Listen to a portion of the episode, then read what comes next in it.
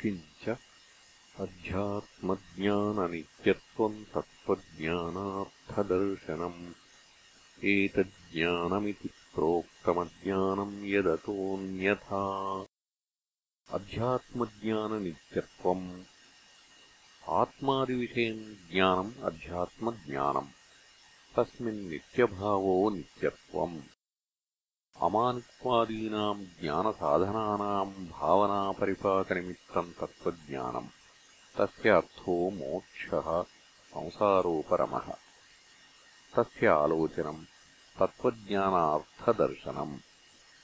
तत्त्वज्ञानफलालोचने हि तत्साधनानुष्ठाने प्रवृत्तिः स्यादिति एतत् अमानित्वादितत्त्वज्ञानार्थदर्शनान्तमुक्तम् ज्ञानमिति प्रोक्तम् ज्ञानार्थत्वात् अज्ञानम् यदतः अस्माद्यथोक्तात् अन्यथा विपर्ययेण मानित्वम् दम्भित्वम् हिंसा अक्षान्तिः अनाद्यवम् इत्यादि अज्ञानम् विज्ञेयम् परिहरणाय संसारप्रवृत्तिकारणत्वात् इति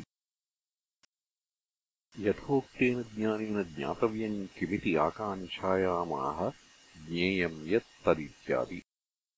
ननु यमा नियमाश्च अमानित्वादयो न तैः ज्ञेयम् ज्ञायते। न हि अमानित्वादिकस्यचिद्वस्तुनः परिच्छेदकम् दृष्टम्। सर्वत्र एव च यद्विषयम् ज्ञानम् तदेव तस्य ज्ञेयस्य परिच्छेदकम् दृश्यते। न हि अन्यविषयेण ज्ञानेन अन्यदुपलभ्यते यथा घटविषयेण ज्ञानेन अग्निः। न एष दोषो ज्ञाननिमित्तत्वात् ज्ञानम् उच्यते इति हि अवोचाम। ज्ञानसहकारिकारणत्वाच्च ज्ञेयम् यत्तत् प्रवक्ष्यामि यज्ञात्वामृतमश्नुते अनादिमत्परम् ब्रह्म न सत्तन्नासदुच्यते ज्ञेयम् ज्ञातव्यम्। यत्तत् प्रवक्ष्यामि प्रकर्षेण यथावत् वक्ष्यामि। किम् फलम् तदिति प्ररोचनेन श्रोतुः अभिमुखीकरणाय आह। यत् ज्ञेयम् ज्ञात्वा अमृतम् अमृतत्वम् अश्नुते न पुनः म्रियते इत्यर्थः। अनादिमत् आदिः अस्य अस्तीति आदिमत् न आदिमत् अनादिमत्। किम् तत् परम् निरतिशयम् ब्रह्म ज्ञेयम् इति प्रक्तम्। अत्र केचिदनादिमत्परम् इति पदम् छिन्दन्ति। बहुव्रीहिणा उक्ते अर्थे मतुप आनर्थक्यम् अनिष्टम् स्यादिति अर्थविशेषम् च दर्शयन्ति। अहम् वासुदेवाख्या पराशक्तिः यस्य तत् मत्परम् इति। सत्यमेवम् अपुनरुक्तम् स्यादर्थश्चेत् सम्भवति न तु अर्थः सम्भवति। ब्रह्मणः सर्वविशेषप्रतिषेधेन एव विज्ञापयिषितत्वात् न सत् तन्नासत् उच्यते इति विशिष्टशक्तिमत्वप्रदर्शनम् विशेषप्रतिषेधश्च इति विप्रतिषिद्धम्। तस्मात् मतुपो बहुव्रीहिणा समानार्थत्वे अपि प्रयोगः श्लोकपूरणार्थः। अमृतत्वफलम् ज्ञेयम् मया उच्यते इति प्ररोचनेन अभिमुखीकृत्य आह। न सत्तत् ज्ञेयम् उच्यते इति। न अपि असत् तत् उच्यते। ननु महतापरिकरबन्धेन कण्ठरवेण उद्घृत्य ज्ञेयम् प्रवक्ष्यामि इति अनरूपम् उक्तम्। न सत्तत् न असज्जते इति। न अनुरूपमेव उक्तम्। कथम् सर्वासु हि उपनिषत्सु ज्ञेयम् ब्रह्म? नेति नेति बृहदारण्यकोपनिषत् चतुः चतुः द्वाविंशति अस्थूलमनणु बृहदारण्यकोपनिषत् त्रि त्रि अष्ट इत्यादिविशेषप्रतिषेधेन एव निर्दिश्यते न इदम् तदिति वाचः अगोचरत्वात् ननु न तदस्ति यद्वस्तु अस्तिशब्देन न उच्यते अथ अस्तिशब्देन न उच्यते न अस्ति तज्ज्ञेयम्। विप्रतिषिद्धम् च ज्ञेयम्। तदस्तिशब्देन न उच्यते इति च। न तावत् न अस्ति नास्तिबुद्ध्यविषयत्वात् ननु सर्वा बुद्धयः अस्ति नास्तिबुद्ध्यनुगता एव। तत्र एवम् सति ज्ञेयमपि अस्तिबुद्ध्यनुगतप्रत्ययविषयम् वा स्यात् नास्तिबुद्ध्यनुगतप्रत्ययविषयम् वा स्यात् न अतीन्द्रियत्वेन उभयबुद्ध्यनुगतप्रत्ययाविषयत्वात् यद्धि इन्द्रियगम्यम् वस्तु घटादिकम् तत् अस्तिबुद्ध्यनुगतप्रत्ययविषयम् वा स्यात् नास्तिबुद्ध्यनुगतप्रत्ययविषयम् वा स्यात् इदम् तु ज्ञेयम् अतीन्द्रियत्वेन शब्दैकप्रमाणगम्यत्वात् न घटादिवत् उभयबुद्ध्यनुगतप्रत्ययविषयम् इति अतो। न सत् तन्नासत् इति उच्यते। यत्तु उक्तम् विरुद्धम् उच्यते ज्ञेयम् तत् न सत् तन्न असत् उच्यते इति। न विरुद्धम्। अन्यदेव तद्विदितादधो अविदितादधि केन उपनिषत् एकम् त्रि इति श्रुतेः। श्रुतिः अपि विरुद्धार्था इति चेत् यथा यज्ञायशालाम् आरभ्य को हि तद्वेद यद्यमुष्मिन् लोकेऽस्ति वा न वेति तैत्तिरीयसंहिता षट् एकम् एकम्। एवम् इति चेत् न।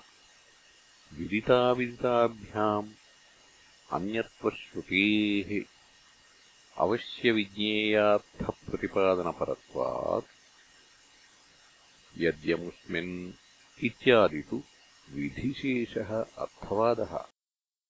उपपत्तेश्च सदसदादिशब्दैः ब्रह्म न उच्यते इति।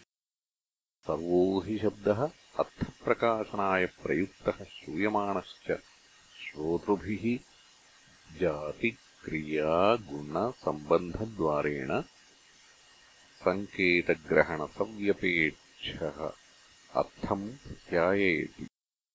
न अन्यथा अदृष्टत्वात्। तद्यथा गौः अश्व इति वा जातितः पचति पठति इति वा क्रियातः शुक्लः कृष्ण इति वा गुणतः धनी गोमान् इति वा सम्बन्धतः। न तु ब्रह्मजातिमत् अतु न सदादिशब्दवाच्यम्। न अपि गुणवत् येन गुणशब्देन उच्येत। निर्गुणत्वात् न अपि क्रियाशब्दवाच्यम् निष्क्रियत्वात्। निष्कलम् निष्क्रियम् शान्तम्। श्वेताश्वतर उपनिषत् एकोनविंशति इति श्रुतेः। न च सम्बन्धि एकत्वात्, अद्वयत्वात्, अविषयत्वात् आत्मत्वाच्च न केनचित् शब्देन उच्यते इति युक्तम्। यतो वाचो निवर्तन्ते। तैत्तिरीय उपनिषत्, द्वि चतुः नव। इत्यादिश्रुतिभ्यश्च सच्छब्दप्रत्ययाविषयत्वात् असत्त्वाशङ्कायाम् ज्ञेयस्य सर्वप्राणिकरणोपाधिद्वारेण तदस्तित्वम् प्रतिपादयन् तदाशङ्कानिवृत्त्यर्थम् आह। सर्वतः पाणिपादम् तत् सर्वतोच्छिशिरोमुखम् सर्वतः श्रुतिमल्लोके सर्वमावृत्य तिष्ठति। सर्वतः पाणिपादम् सर्वतः पाणयः पादाश्चास्य। इति सर्वतः पाणिपादम् तत् ज्ञेयम्। सर्वप्राणिकरणोपाधिभिः क्षेत्रज्ञास्तित्वम् विभाव्यते। क्षेत्रज्ञश्च क्षेत्रोपाधित उच्यते। क्षेत्रम् च पाणिपादादिभिः अनेकधा भिन्नम्। क्षेत्रोपाधिभेदकृतम् विशेषजातम् मिथ्या एव क्षेत्रज्ञस्य इति तदपनयनेन ज्ञेयत्वमुक्तम् न सत्तन्नासदुच्यते इति। उपाधिकृतम् मिथ्यारूपमपि अस्तित्वाधिगमाय ज्ञेयधर्मवत् परिकल्प्य उच्यते सर्वतः पाणिपादम् इत्यादि। तथा हि सम्प्रदायविदाम् वचनम् अध्यारोपापवादाभ्याम् निष्प्रपञ्चम् प्रपञ्चते इति। सर्वत्र सर्वदेहावयवत्वेन गम्यमानाः पाणिपादादयो ज्ञेयशक्तिसद्भावनिमित्तस्वकार्या इति। ज्ञेयसद्भावे लिङ्गानि ज्ञेयस्य इति उपचारत उच्यन्ते। तथा व्याख्येयम् अन्यत् सर्वतः पाणिपादम् तत् ज्ञेयम् सर्वतोक्षिशिरोमुखम् सर्वत्र अक्षीणि शिरांसि मुखानि च यस्य तत् सर्वतोक्षिशिरोमुखम् सर्वतः श्रुतिमत्। श्रुतिः श्रवणेन्द्रियम् तद्यस्य तत् श्रुतिमत्। लोके प्राणिनिकाये सर्वम् आवृत्य संव्याप्य तिष्ठति। स्थितिम् लभते। उपाधिभूतपाणिपादादीन्द्रियाध्यारोपणात् ज्ञेयस्य तद्वत्ताशङ्का माभूदिति एवमर्थः श्लोकारम्भः सर्वेन्द्रियगुणाभासम् सर्वेन्द्रियविवर्जितम् असक्तम् सर्वभृत्यैव निर्गुणम् गुणभोक्तृ च। सर्वेन्द्रियगुणाभासम् सर्वाणि च तानि इन्द्रियाणि श्रोत्रादीनि बुद्धीन्द्रियकर्मेन्द्रियाख्यानि अन्तःकरणे च बुद्धिमानसी। ज्ञेयोपाधित्वस्य प्रियत्वात् सर्वेन्द्रियग्रहणेन गृह्यन्ते अपि च अन्तःकरणोपाधिद्वारेण एव श्रोत्रादीनामपि उपाधित्वम् इति।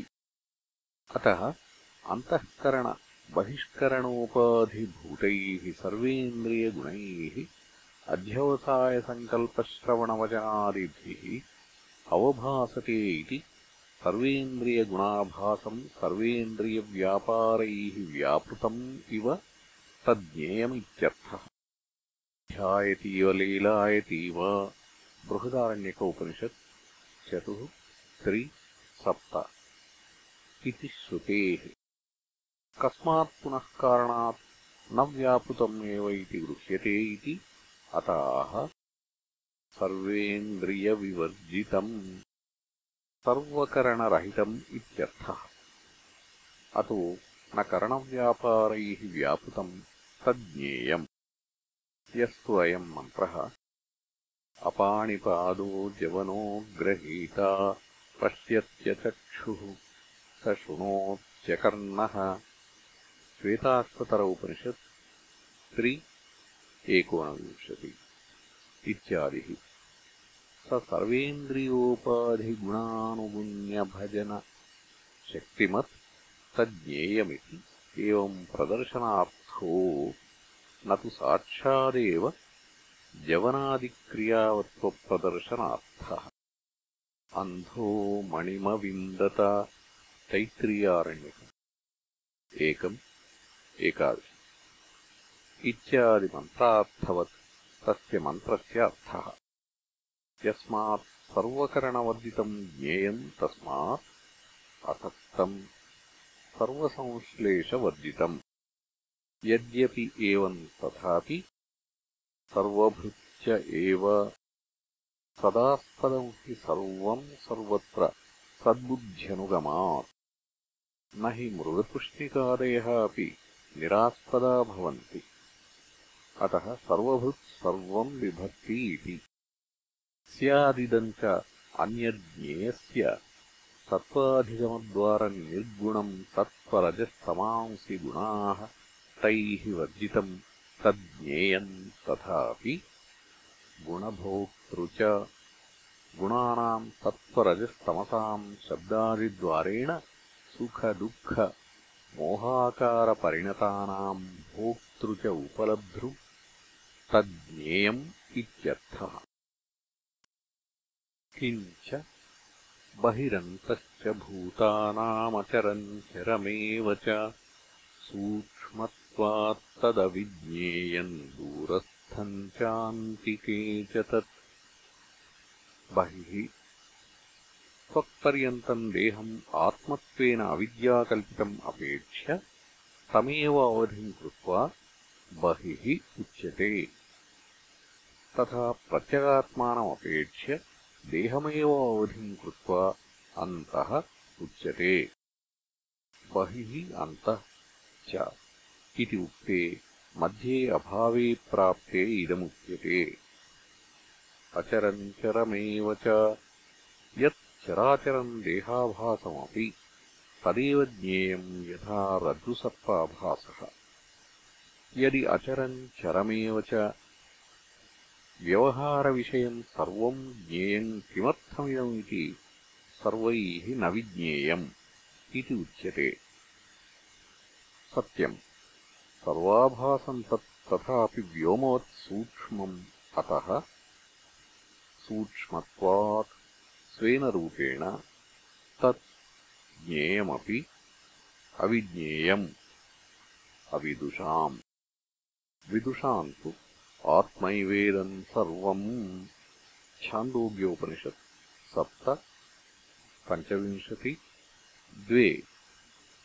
ब्रह्मैवेदम् सर्वम् बृहदारण्यकोपनिषत् द्वे पञ्च एकम् इत्यादिप्रमाणतो नित्यम् विज्ञातम् अविज्ञाततया दूरस्थम् वर्षसहस्रकोट्यापि अविदुषाम् अप्राप्यत्वात् अन्तिके च तत् आत्मत्वात् विदुषाम् किञ्च अविभक्तम् च भूतेषु विभक्तमिव च स्थितम्। भूतभर्तृ च तज्ज्ञेयम् गर्हिष्णुप्रभविष्णु च। अविभक्तम् च प्रतिदेहम् व्योमवत् तदेकम् भूतेषु सर्वप्राणिषु विभक्तम् इव च स्थितम्। देहेषु एव विभाव्यमानत्वात् भूतभर्तृ च भूतानि बिभर्ति इति। तज्ज्ञेयम् भूतभर्तृ च स्थितिकाले। प्रलयकाले ग्रसिष्णो ग्रसनशीलम्। उत्पत्तिकाले प्रभविष्णु च प्रभवनशीलम्। यथा रज्ज्वादिः सर्पादेः मिथ्याकल्पितस्य किञ्च सर्वत्र विद्यमानम् सत् न उपलभ्यते चेत् ज्ञेयम् तमः तर्हि। न किम् तर्हि? ज्योतिषामपि तज्ज्योतिस्तमसः परमुच्यते। ज्ञानम् ज्ञेयम् ज्ञानगम्यम् हृदि सर्वस्य विष्ठितम्। ज्योतिषाम् आदित्यानाम् अपि तत् ज्ञेयम् ज्योतिः। आत्मचैतन्यज्योतिषा इद्धानि हि आदित्यादीनि ज्योतींषि दीप्यन्ते। येन सूर्यस्तपति तेजसेद्धः तस्य भासा सर्वमिदम् विभाति श्वेताश्वतर उपनिषत् षट् चतुर्दश। इत्यादिश्रुतिभ्यः स्मृतेश्च इह एव यदा आदित्यगतम् तेजः इत्यादेः। तमसः अज्ञानात् परम् अस्पृष्टम् उच्यते। ज्ञानादेः दुःसम्पादनबुद्ध्या प्राप्तावसादस्य उत्तम्भनार्थम् आह। ज्ञानम् अमानित्वादि ज्ञेयम् ज्ञेयम् यत्तत्र वक्ष्यामि इत्यादिना उक्तम् ज्ञानगम्यम्। ज्ञेयम् एव ज्ञातम् सत् ज्ञानफलम् इति ज्ञानगम्यम् उच्यते। ज्ञायमानम् तु ज्ञेयम् तदेतत्त्रयमपि हृदि बुद्धौ।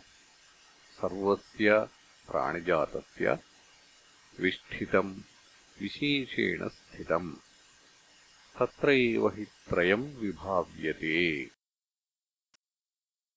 यथोक्तार्थोपसंहारार्थः अयम् श्लोक आरभ्यते। इति क्षेत्रम् तथा ज्ञानम् ज्ञेयम् चोक्तम् समासतः। मद्भक्त एतद्विज्ञाय मद्भावायोपपद्यते इति एवम्। क्षेत्रम् महाभूतादिभृत्यन्तम् तथा ज्ञानम् अमानित्वादि तत्त्वज्ञानार्थदर्शनपर्यन्तम्। ज्ञेयम् च ज्ञेयम् यत्तत् इत्यादि तमसः परमुच्यते इत्येवमन्तम्। उक्तम्। समासतः सङ्क्षेपतः एतावान् सर्वो हि वेदार्थो गीतार्थश्च उपसंहृत्य उक्तः। अस्मिन् सम्यग्दर्शने कः अधिक्रियते इति उच्यते। मद्भक्तो मयि ईश्वरे सर्वज्ञे परमगुरौ वासुदेवे समर्पितसर्वात्मभावो यत् पश्यति शृणोति स्पृशति वा सर्वम् एव भगवान् वासुदेव इति एवम् ग्रहाविष्टबुद्धिः मद्भक्तः। स एतत् यथोक्तम् सम्यग्दर्शनम्। विज्ञाय मद्भावाय मम भावो मद्भावः परमात्मभावः तस्मै मद्भावाय। उपपद्यते मोक्षम् गच्छति तत्र सप्तमे ईश्वरस्य द्वे प्रकृती उपन्यस्ते परापरे क्षेत्रक्षेत्रज्ञलक्षणे। एतद्योनीनि भूतानि इति च उक्तम्। क्षेत्रक्षेत्रज्ञप्रकृतिद्वययोनित्वम् कथम् भूतानामिति अयमर्थः अधुना उच्यते। प्रकृतिम् पुरुषम् चैव विध्यनादी उभावपि विकारांश्च गुणांश्चैव विद्धि प्रकृतिसम्भवान् प्रकृतिम् पुरुषम् च एव। ईश्वरस्य प्रकृतीतौ प्रकृतिपुरुषौ। उभौ अपि अनादी विद्धि। न विद्यते आदिः ययोः तौ अनादी। नित्येश्वरत्वात् ईश्वरस्य तत्प्रकृत्योः अपि युक्तम् नित्यत्वेन भवितुम्। प्रकृतिद्वयवत्वमेव हि ईश्वरस्य ईश्वरत्वम्। याभ्याम् प्रकृतिभ्याम् ईश्वरो जगदुत्पत्तिस्थितिप्रलयहेतुः ते द्वे अनादीसत्यौ संसारस्य कारणम्। न आदी अनादी इति तत्पुरुषसमासम् केचिद्वर्णयन्ति तेन हि किल ईश्वरस्य कारणत्वम् सिद्ध्यति। यदि पुनः प्रकृतिपुरुषौ एव नित्यौ स्याताम् तत्कृतमेव जगत् न ईश्वरस्य जगतः कर्तृत्वम्। तदसत्। प्राक्प्रकृतिपुरुषयोः उत्पत्तेः ईशितव्याभावात् ईश्वरस्य अनीश्वरत्वप्रसङ्गात्। संसारस्य निर्निमित्तत्वे अनिर्मोक्षत्वप्रसङ्गात्। शास्त्रार्थक्यप्रसङ्गात्। बन्धमोक्षाभावप्रसङ्गाच्च नित्यत्वे पुनः ईश्वरस्य प्रकृत्योः सर्वमेतत् उपपन्नम् भवेत्। कथम्? विकारान् च गुणान् च एव। वक्ष्यमाणान् विकारान् बुद्ध्यादिदेहेन्द्रियान् तान् गुणान् च सुखदुःखमोहप्रत्ययाकारपरिणतान्। विद्धि जानीहि प्रकृतिसम्भवान् प्रकृतिः ईश्वरस्य विकारकारणशक्तिः त्रिगुणात्मिका माया। सा सम्भवो येषाम् विकाराणाम् गुणानाम् च तान् विकारान् गुणान् च विद्धि। प्रकृतिसम्भवान् प्रकृतिपरिणामान्। के पुनस्ते विकारागुणाश्च प्रकृतिसम्भवाः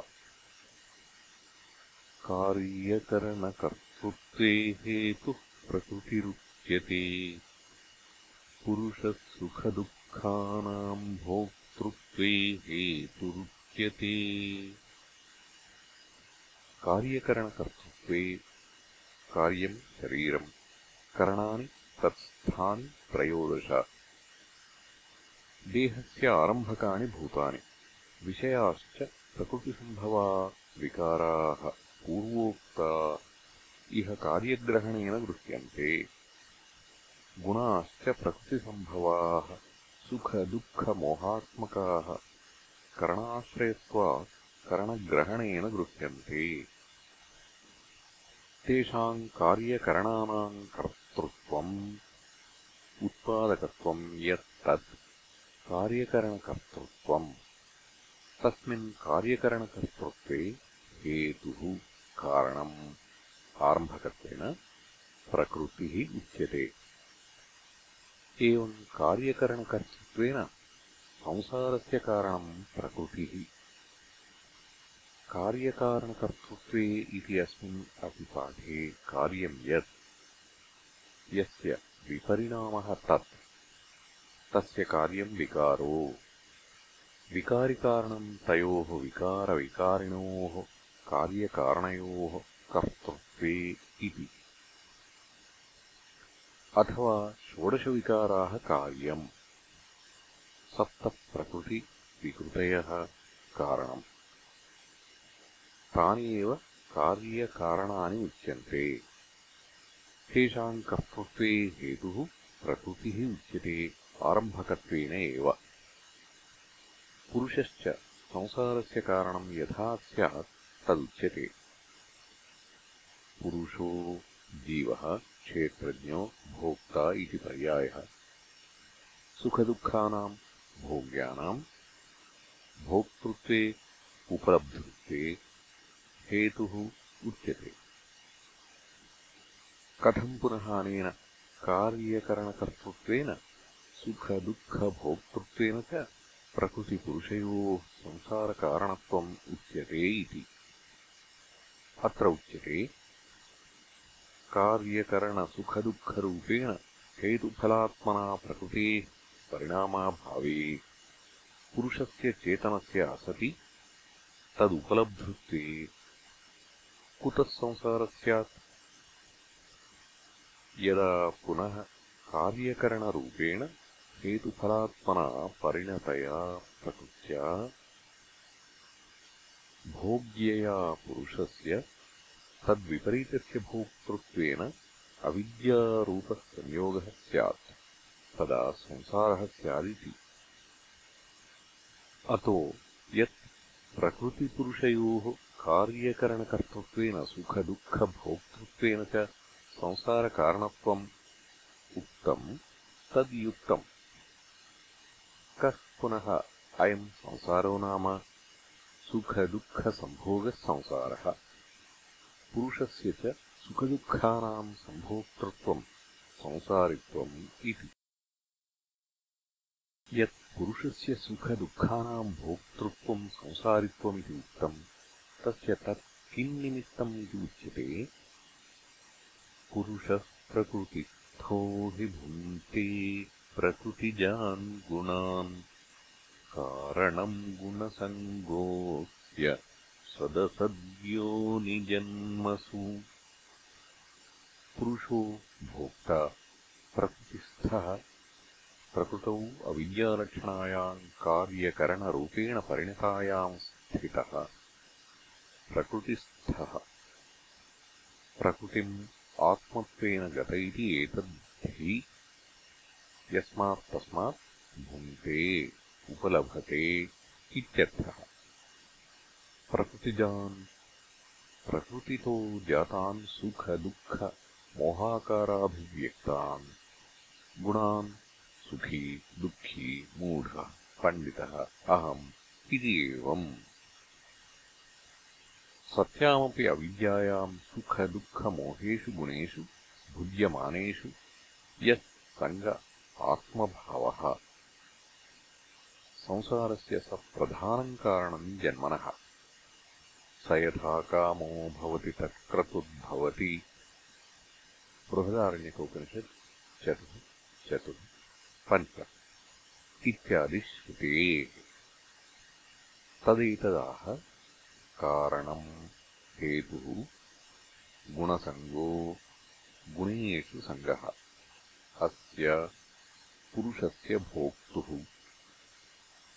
सदसद्योनिजन्मसु सत्यश्च असत्यश्च योनयः सदसद्योनयः। तासु सदसद्योनिषु जन्मानि सदसद्योनिजन्मानि तेषु सदसद्योनिजन्मसु विषयभूतेषु कारणम् गुणसङ्गः। अथवा सदसद्योनिजन्मसु अस्य संसारस्य कारणम् गुणसङ्ग इति संसारपदम् अध्याहार्यम्। सद्योनयो देवार्योनयः असद्योनयः पश्वार्योनयः। सामर्थ्यात् सदसद्योनयो मनुष्ययोनयः अपि अविरुद्धा द्रष्टव्याः। एतदुक्तम् भवति प्रकृतिस्थत्वाख्या अविद्या गुणेषु स सङ्गः कामः संसारस्य कारणम् इति तच्च परिवर्जनाय उच्यते अस्य च निवृत्तिकारणम् ज्ञानवैराग्ये स सन्न्यासे गीताशास्त्रे प्रसिद्धम् तच्च ज्ञानम् पुरस्तादुपन्यस्तम् क्षेत्रक्षेत्रज्ञविषयम् यज्ञात्वामृतमश्नुते इति उक्तम् च अन्यापोहेन अतद्धर्माध्यारोपेण च। तस्य एव पुनः साक्षान्निर्देशः क्रियते। उपद्रष्टानुमन्ता च भक्ता भोक्ता महेश्वरः। परमात्मेति चाप्युक्तो देहेऽस्मिन् पुरुषः परः। उपद्रष्टा समीपस्थः सन्। द्रष्टा स्वयम् अव्यापृतो यथा। ऋत्विग्यजमानेषु यज्ञकर्मव्यापृतेषु तटस्थः अन्यः अव्यापृतो यज्ञविद्याकुशल ऋत्विग्यजमानव्यापारगुणदोषाणाम् ईक्षिता। तद्वत् कार्यकरणव्यापारेषु अव्यापृतः अन्यो विलक्षणः। तेषाम् कार्यकरणानाम् सव्यापाराणाम् सामीप्येन द्रष्टा उपद्रष्टा। अथवा देहचक्षुर्मनोबुद्ध्यात्मनो द्रष्टारः तेषाम् बाह्यो द्रष्टा देहः। तथारभ्य अन्तरतमश्च प्रत्यक्समीप आत्मा द्रष्टा। यतः परौ अन्तरो न अस्ति द्रष्टा स अतिशयसामीप्येन द्रष्टृत्वात् उपद्रष्टा स्यात्। यज्ञोपद्रष्टृवत्वा सर्वविषयीकरणात् उपद्रष्टा अनुमन्ता च अनुमोदनम् अनुमननम् कुर्वत्सु तत्क्रियासु परितोषः तत्कर्ता अनुमन्ता च। अथवा अनुमन्ता कार्यकरणप्रवृत्तिषु स्वयम् अप्रवृत्तः अपि प्रवृत्त इव तदनुकूलो विभाव्यते तेन अनुमन्ता। अथवा प्रवृत्तान् स्वव्यापारेषु तत्साक्षिभूतः कदाचिदपि न निवारयति इति अनुमन्ता भर्ता भरणम् नाम देहेन्द्रियमनोबुद्धीनाम् संहतानाम् चैतन्यात्मपाराख्येन निमित्तभूतेन चैतन्याभासानाम् यत् स्वरूपधारणम् तत् चैतन्यात्मकृतमेव इति भर्ता आत्मा इति उच्यते भोक्ता अग्न्युष्णवत् नित्यचैतन्यस्वरूपेण बुद्धेः सुखदुःखमोहात्मकाः प्रत्ययाः सर्वविषयविषयाः चैतन्यात्मग्रस्ता इव जायमाना विभक्ता विभाव्यन्ते इति भोक्ता आत्मा उच्यते। महेश्वरः सर्वात्मत्वात् स्वतन्त्रत्वाच्च महान् ईश्वरश्च इति महेश्वरः। परमात्मा देहादीनाम् बुद्ध्यन्तानाम् प्रत्यगात्मत्वेन कल्पितानाम् अविद्यया परम उपद्रष्टत्वादिलक्षण आत्मा इति परमात्मा। सोऽन्तः परमात्मा इति अनेन शब्देन च अपि उक्तः कथितः श्रुतौ क्व असौ अस्मिन् देहे पुरुषः परः अव्यक्तात् उत्तमः पुरुषस्त्वन्यः परमात्मेत्युदाहृतः इति यो वक्ष्यमाणः क्षेत्रज्ञम् चापि माम् विद्धि इति उपन्यस्तो व्याख्याय उपसंहृतश्च।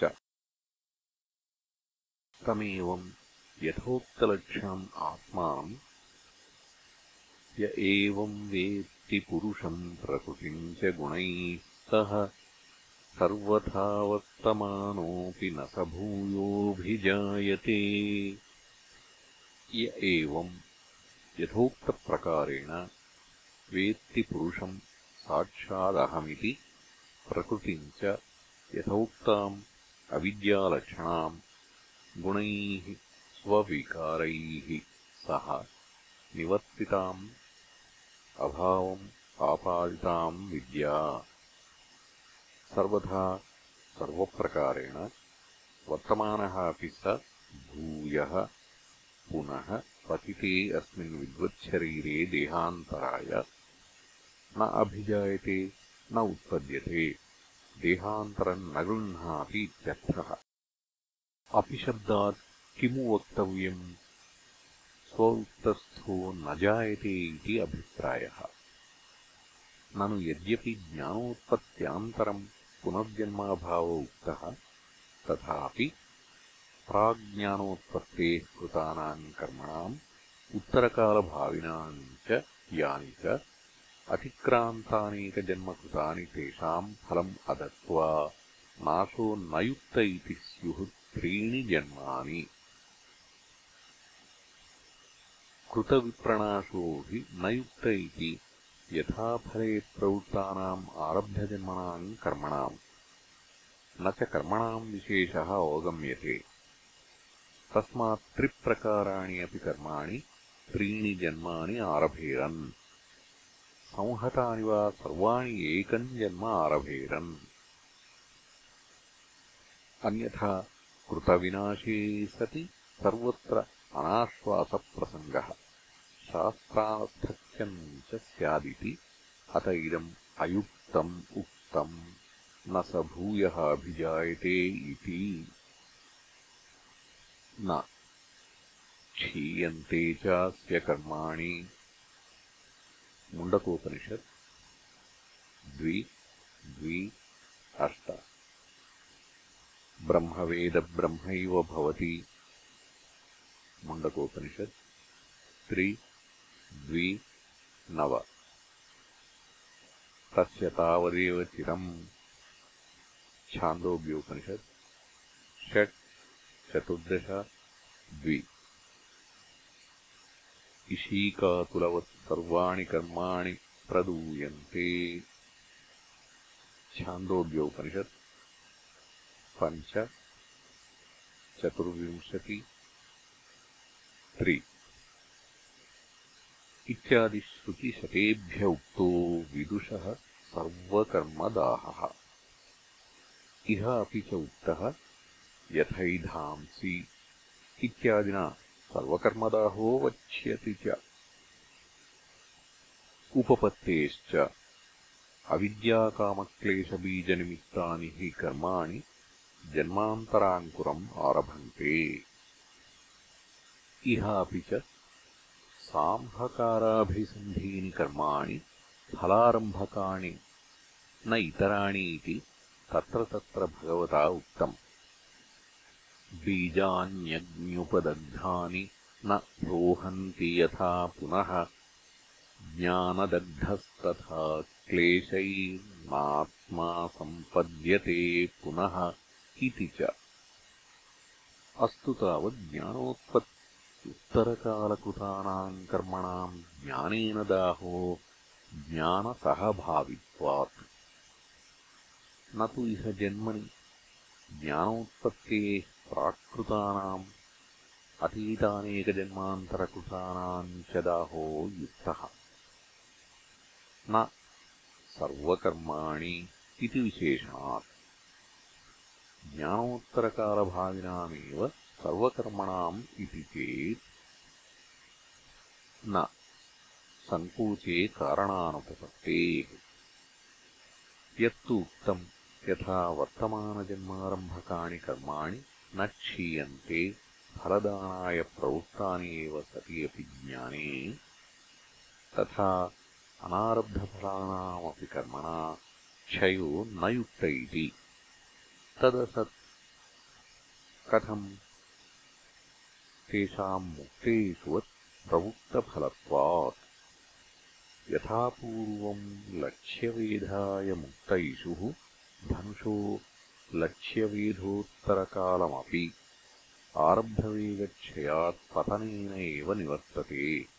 एवम् शरीरारम्भकम् कर्म शरीरस्थितिप्रयोजने निवृत्ते अपि आसंस्कारवेगक्षयात् पूर्ववद्वर्तते एव स एव इषुः प्रवृत्तिनिमित्तानारब्धवेगस्तु अमुक्तो धनुषि प्रयुक्तः अपि उपसंह्रियते तथा अनारब्धफलानि कर्माणि स्वाश्रयस्थानि एव ज्ञानेन निर्बीजीक्रियन्ते।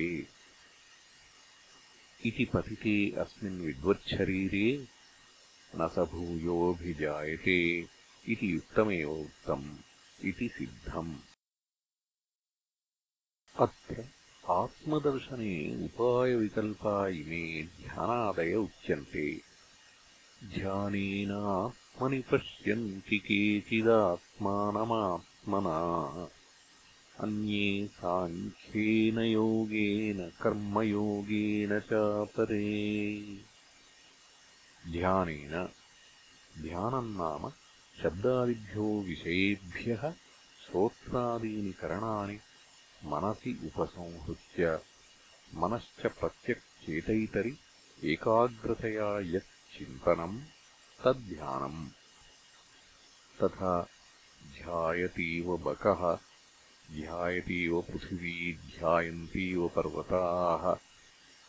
छान्दोग्योपनिषत् षट् एक इति उपमा उपादानात् तैलधारावत् सन्ततः अविच्छिन्नप्रत्ययो ध्यानम्। तेन ध्यानेन आत्मनि बुद्धौ पश्यन्ति आत्मानम् प्रत्यक्चेतनम् आत्मना ध्यानसंस्कृतेन अन्तःकरणेन केचिद् योगिनः अन्ये साङ्ख्येन योगेन साङ्ख्यम् नाम इमे तत्त्वरजस्तमांसि गुणा मया दृश्या अहम् तेभ्यः अन्यः तद्व्यापारसाक्षिभूतो नित्यो गुणविलक्षण आत्मा इति चिन्तनम् एष साङ्ख्यो योगः। तेन पश्यन्ति आत्मानम् आत्मना इति वर्तते।